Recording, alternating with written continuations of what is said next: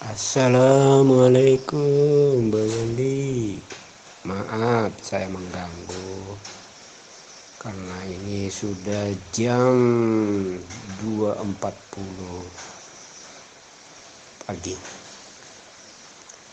Begini Bang Andi Aku mau berbagi cerita nih.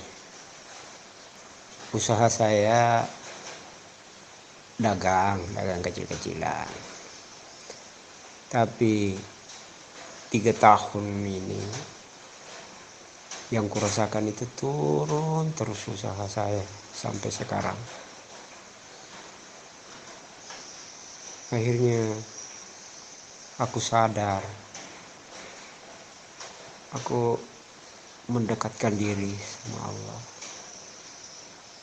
Aku selalu banyak beribadah yang biasa tidak pernah saya lakukan sampai tengah malam.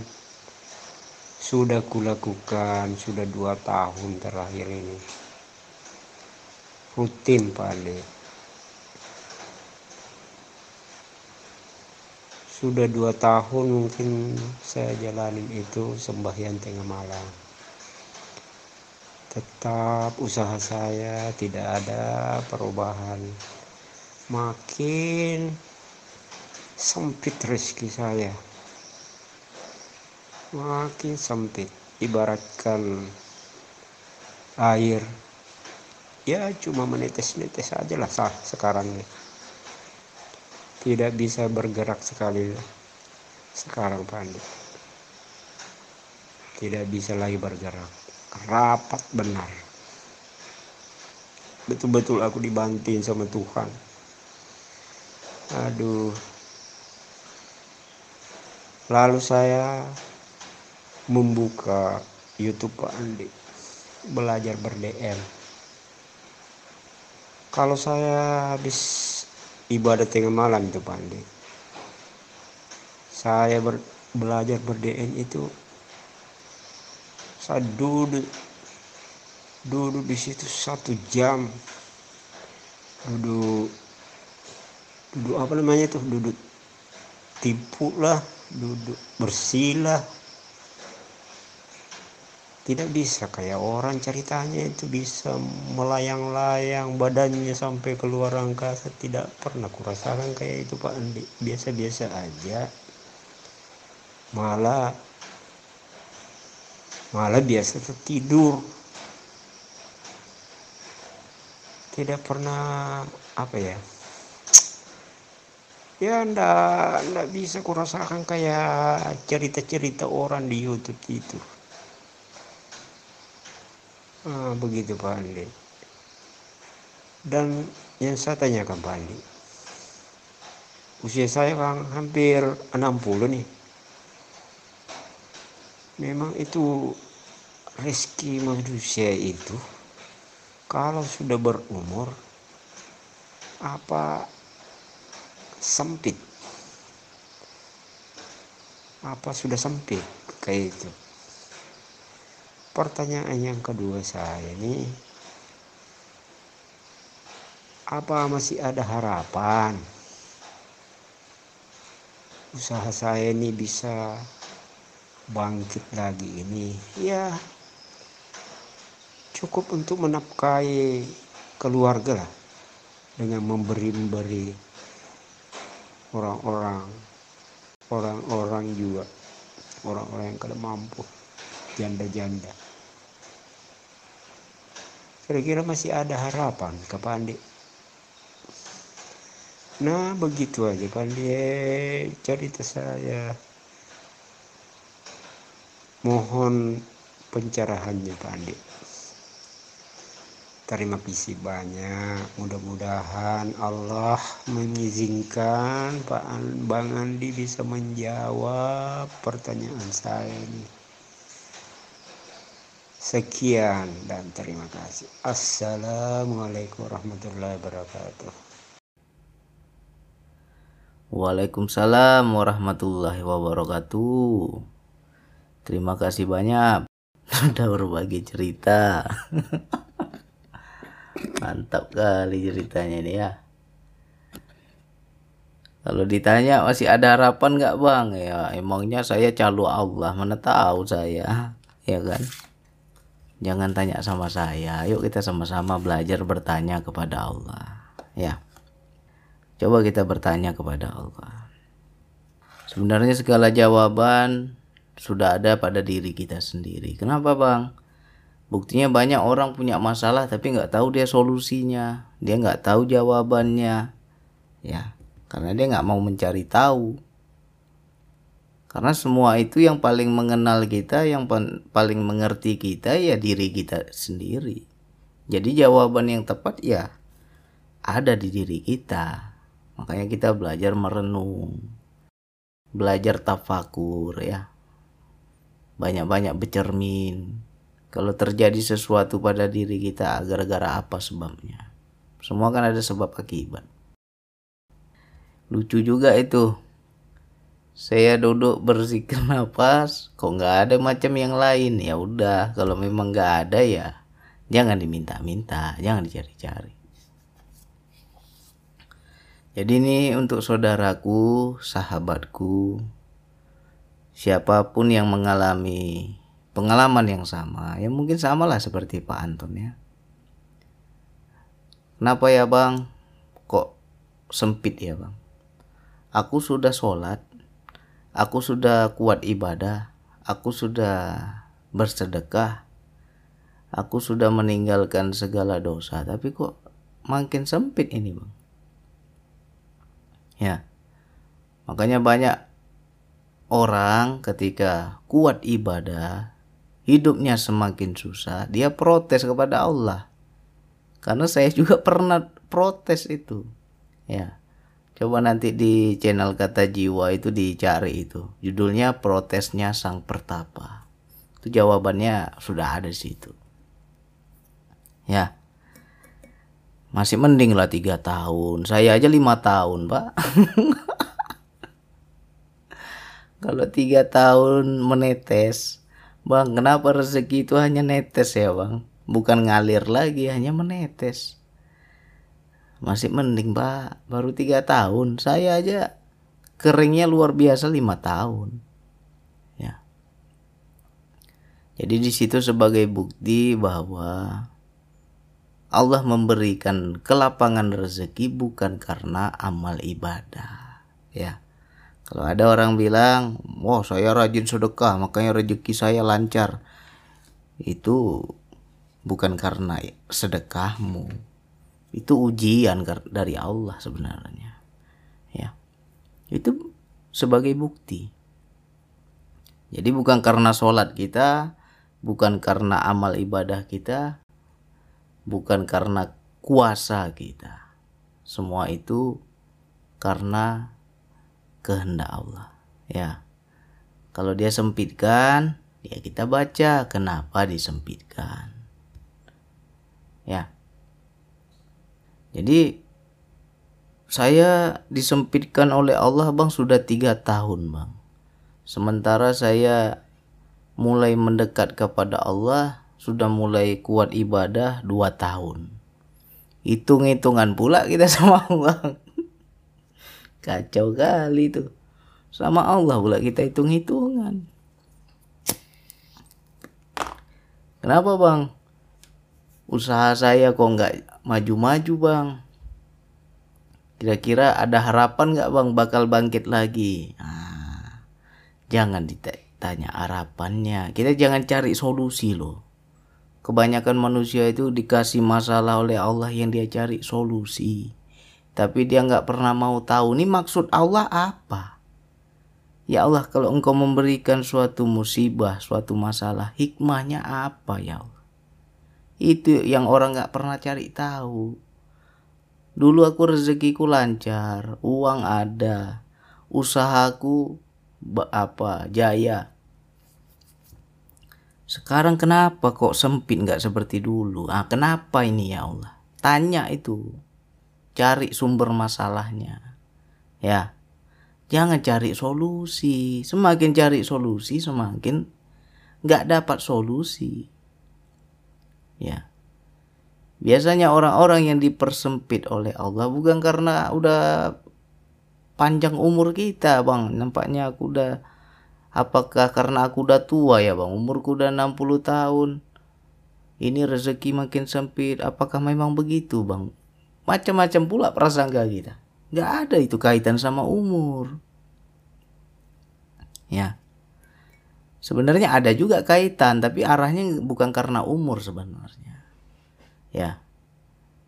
Hal yang paling tepat adalah kenapa disempitkan rezeki agar kita itu melepas kemelekatan duniawi. Itu sumbernya. Ya itu yang harus kita pahami. Aku kan masih banyak tanggungan bang, masih banyak yang harus aku nafkahi bang. Masih banyak yang harus aku hidupi bang. Tapi macam mana nasib mereka nanti misalnya kan? Kenapa Allah mempersempit rezekiku bang? Macam-macam pertanyaan kita ya enggak? Jadi kita tanya pada diri kita Biasanya apa-apa yang sudah diambil oleh Allah itu dikarenakan kemelekatan diri kita terlalu kuat di situ. Ya. Apa yang paling kita cintai itulah yang akan diambil oleh Allah.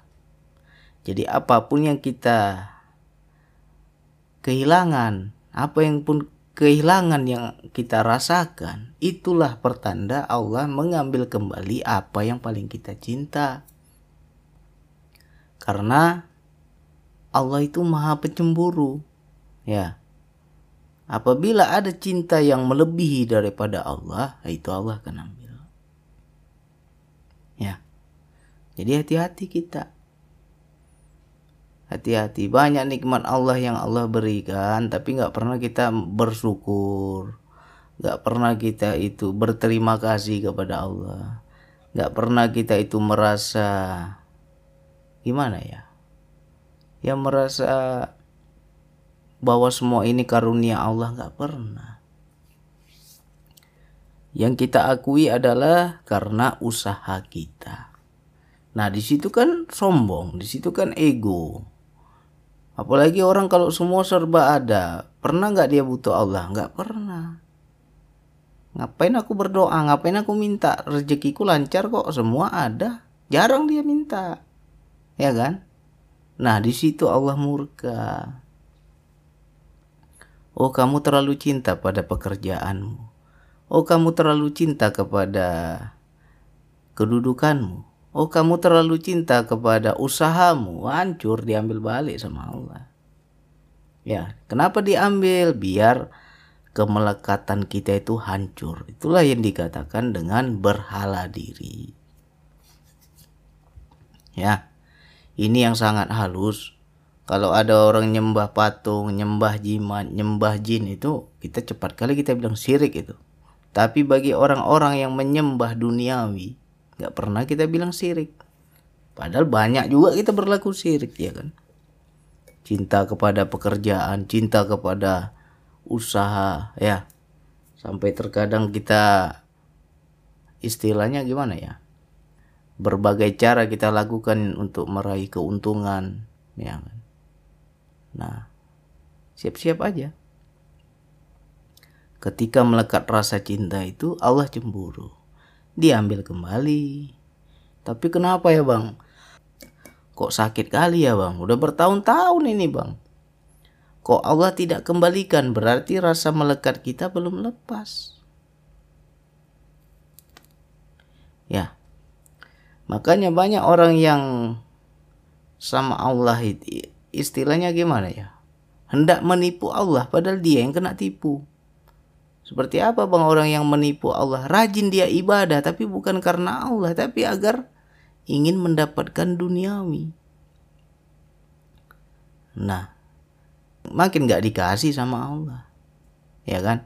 Sholat udah bang, maksiat udah ku tinggalkan bang. Dosa ku jaga bang. Nggak ada lagi buat dosa. Ya kan? Tiap hari aku ngaji bang. Tiap hari aku zikir bang. Zikirmu karena ingin dapat rezeki. Oh, siap-siap aja. Makin gak dikasih sama Allah. Karena apa? Tidak ada keikhlasan kita. Tidak ada ketulusan kita karena Allah. Berbeda kalau orang dapat hidayah, rajin dia sholat, rajin dia ibadah, ya. Terpanggil dia untuk mendekat kepada Allah, rindu dia kepada Allah, itu betul. Berarti dia mendekatnya itu karena hidayah, karena panggilan. Tapi kalau kita rajin ibadah karena ingin rezeki lancar, ingin usaha kita sukses, itu namanya ada udang di balik bakwan. Jadi jangan salahkan Allah kalau bertahun-tahun netes rezekinya. Ya kan? Ditahan itu sama Allah. Kenapa ditahan?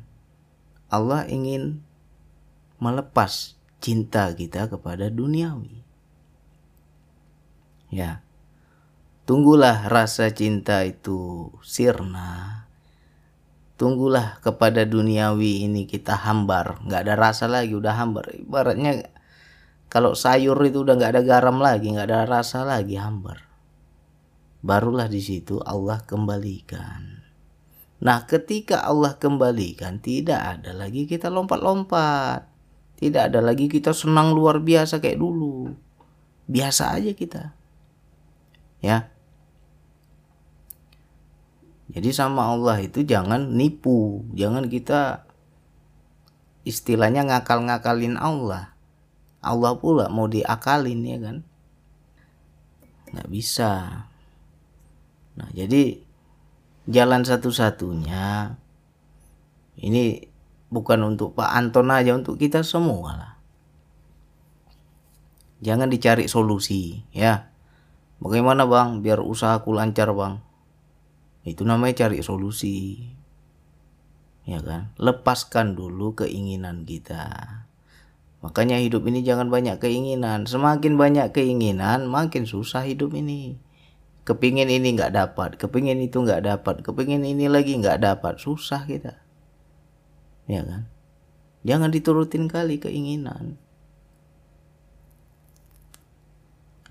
Coba kita terima dulu belajar terima lah ya. Belajar menerima. Ini sudah kehendak Allah rezekiku sempit. Aku terima ya Allah. Tapi aku yakin engkau maha kaya ya Allah aku yakin engkau maha kuasa ya Allah. Merubah siang jadi malam mudah bagimu ya Allah. Masa merubah hidupku nggak bisa? Aku yakin engkau bisa ya Allah. Ya kan? Puji-puji terus Allah itu. Ya. Lalu ikhlas. Ikhlaslah kita. Belajar ikhlas, belajar menerima, belajar melepas kemelekatan duniawi.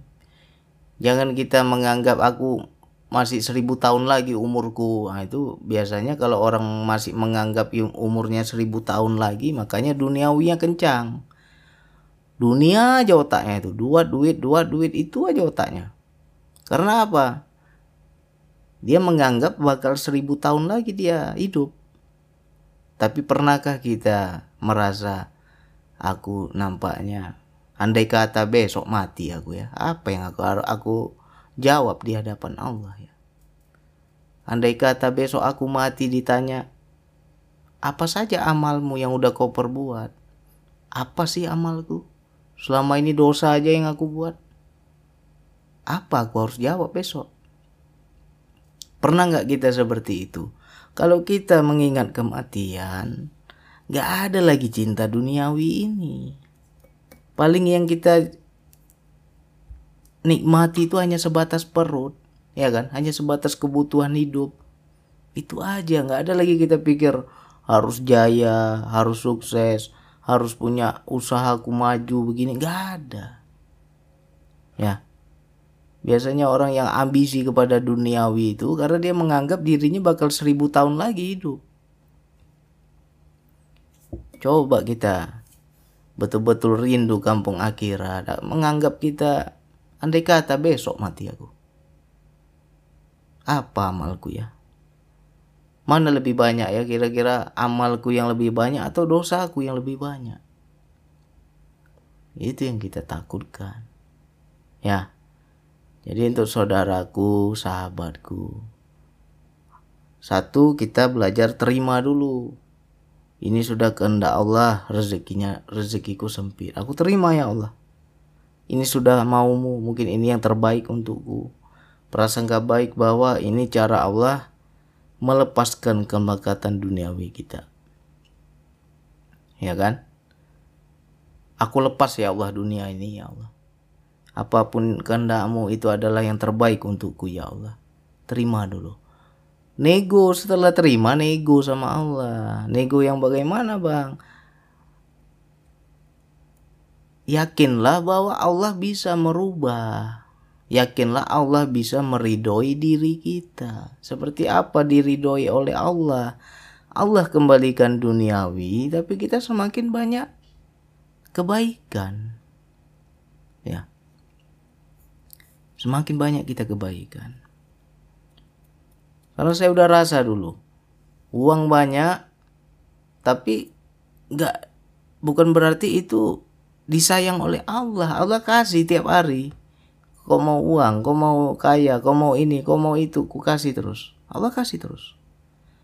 Dengan uang itu maksiat saya. Dengan uang itu buat dosa tiap hari saya. Ya. Dengan uang itu makin sombong diri saya. Dengan uang itu makin bangga, makin takjub saya kepada diri ini. Ya kan? Allah memberi bukan karena Allah sayang. Nah kalau bisa kita Bismillahirrahmanirrahim itu betul-betul dua-dua dapat dikasih dan disayang. Ya. Nah belajar dulu melepas. Ketika Allah ambil kembali, oh kau udah terlalu cinta, udah kelewatan kali kau cinta duniawi ini. Aku tarik balik ini. Tahu. Diambil kembali sama Allah, nangis-nangis kita kan. Merengek kita tiap hari, ya Allah sempit kali rezekiku. Ya Allah susah kali hidupku. Hitung-hitungan lagi kita sama Allah. Udah sholat aku ya Allah. Dulu aku maksiat, aku berdosa. Tapi rezekiku lancar ya Allah. Sekarang giliran aku udah mulai ibadah rezekiku kok hancur ya Allah. Komplain pula kita sama Allah. Ya. Ini udah saya rasakan, makanya bisa ngomong, makanya bisa cerita. Ya kan? Ngamuk kita sama Allah. Di mana letak kayamu ya Allah? Katanya engkau maha kaya. Aku aja kok susah gini. Yang ku sembah yang maha kaya, tapi kenapa aku susah? Ya kan? Sampai makan pakai bawang merah, udah parah kali nih zaman sekarang makan pakai bawang merah, lauk nggak ada lagi, telur nggak ada lagi, ya kan? Udah sedih kali tuh. Saya udah rasa, Nah di situ Allah ngomong, Allah bicara. Oh, percuma lah kau sholat kata Allah. Ya, itu bahasa rasa itu dihujam langsung di hati kita seolah-olah Allah tuh ngomong. Percuma kau sholat, tiap hari kau nunggang nungging, tapi kau minta rezeki. Bukan karena aku itu. Ya kan? Percuma kau ibadah, ngaji, zikir, berjam-jam kau zikir, tapi yang kau harap rezeki. Hanya rahmatku yang kau minta, bukan aku yang kau hendak temui, kata Allah. Terdiam kita nggak bisa ngomong. Ya, nggak bisa ngomong. Nah, lepaskan itu semua.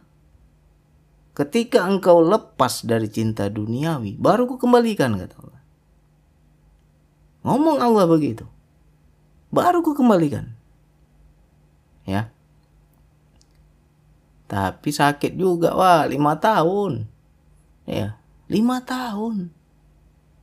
Menderita lima tahun. Nah, ketika lepas semua kemelekatan, baru Allah, Allah kembalikan. Ketika dikembalikan gak ada rasa hambar. Ya, hambar. Malah takut kita. Kalau lagi Allah kasih banyak, Allah kasih, ya Allah jatah siapa ini ya Allah? Aku nggak butuh sebanyak ini ya Allah. Untuk siapa ini ya Allah? Malah kita tanda tanya. Ya. Nah berbeda sama orang yang masih duniawinya kuat. Bisa sukses nggak ya? Bisa bangkit lagi nggak ya? Sampai kapan kayak gini terus ya? Nah itu masih duniawi. Ya. Jadi jangan ditanya apa mau kita kita tanya itu apa mau Allah ya Allah apa maumu ya Allah ya kan tanya dulu apa mau Allah?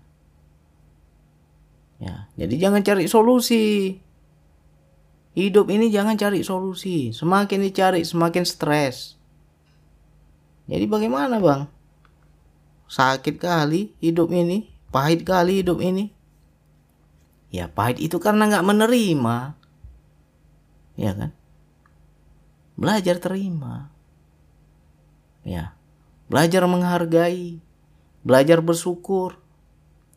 Dahulu uang banyak royal kita happy happy kita enjoy enjoy kita. Giliran uang sedikit ah baru berharga uang itu. Ya kan? 50 ribu perak aja berharga kali. Ya Allah berharga kali 50 ribu ini. Dulu di saat aku banyak uang 50 ribu tuh nggak ada harga. Tapi ketika dikasih sulit oleh Allah kejepit kita udah nggak tahu lagi kita. Nggak punya apa-apa lagi kita. Dapat uang 50 ribu luar biasa tuh bahagianya syukurnya. Jadi bersyukur itu bukan soal jumlah ya. Bukan soal nilai bukan soal nominal. Jangan mentang-mentang kita bilang aku tunggu banyak duit baru bisa syukur. Banyak orang banyak duit nggak bersyukur ya. Nah jadi menerima belajar menerima. Aku terima ya Allah. Baca apa maunya Allah. Bisa jadi itu kecintaan kita terlalu melekat.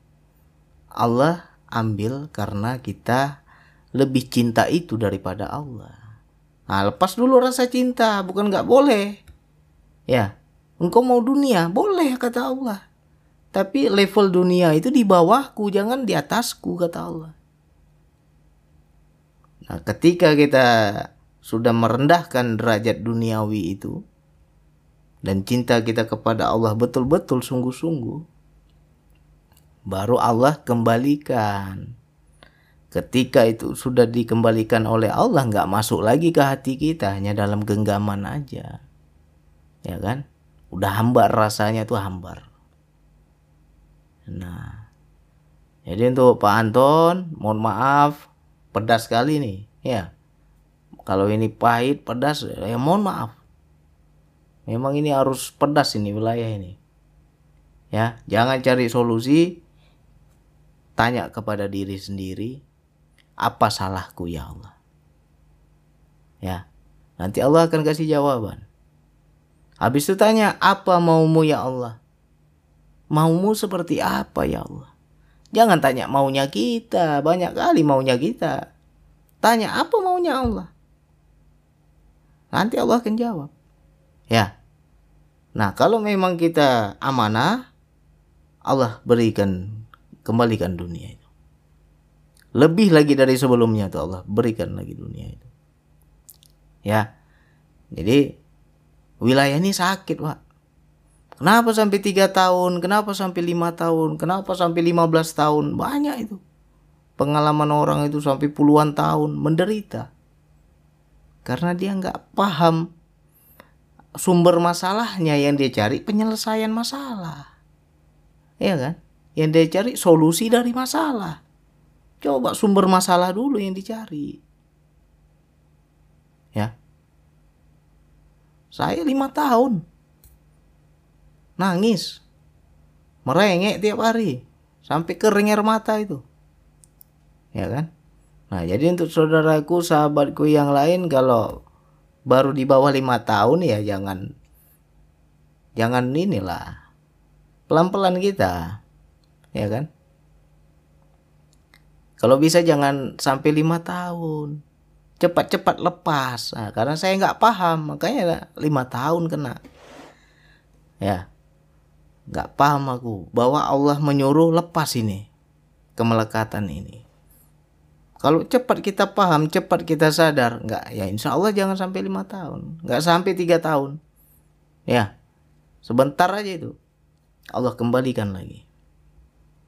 Ya mohon maaf kepada saudaraku sahabatku yang lain yang punya pengalaman yang sama ya. Ini berdasarkan pengalaman hidup. Ya. Yang sudah saya jalani, yang sudah saya rasakan. Memang pahit itu. Ketika kita lebih cinta duniawi ini melekat dan di situ Allah cemburu, Allah ambil kembali dan kita nggak siap menderita hidup kita bertahun-tahun. Ya, itulah sejatinya neraka duniawi. Di dunia aja udah macam neraka kita. Ya kan? Nah, bagaimana biar kita cepat lepas bang dari neraka dunia ini bang? Ya cepat-cepat berserah kepada Allah. Kembalikan segala sesuatu kepada Allah.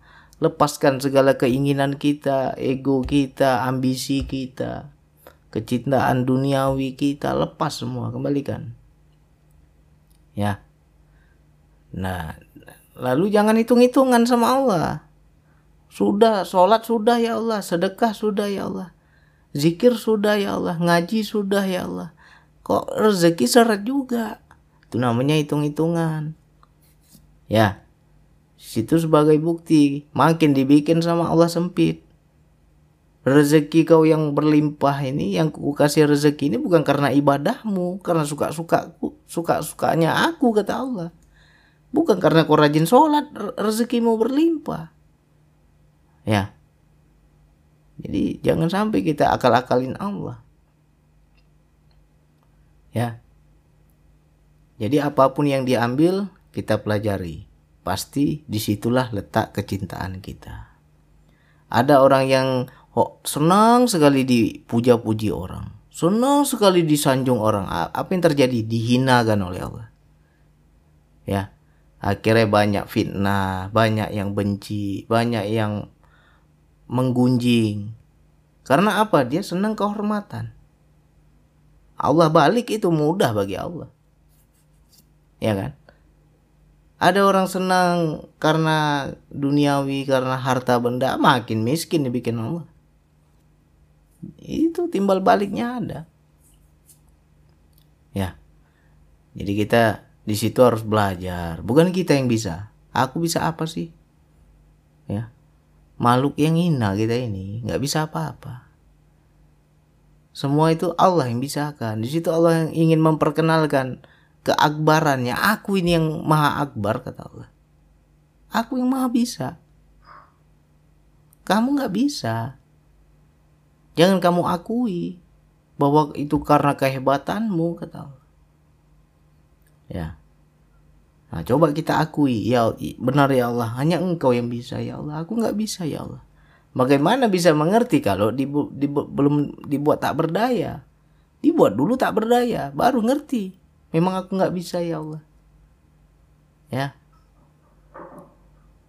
Ya mudah-mudahan ini manfaat untuk saudaraku, sahabatku yang lain.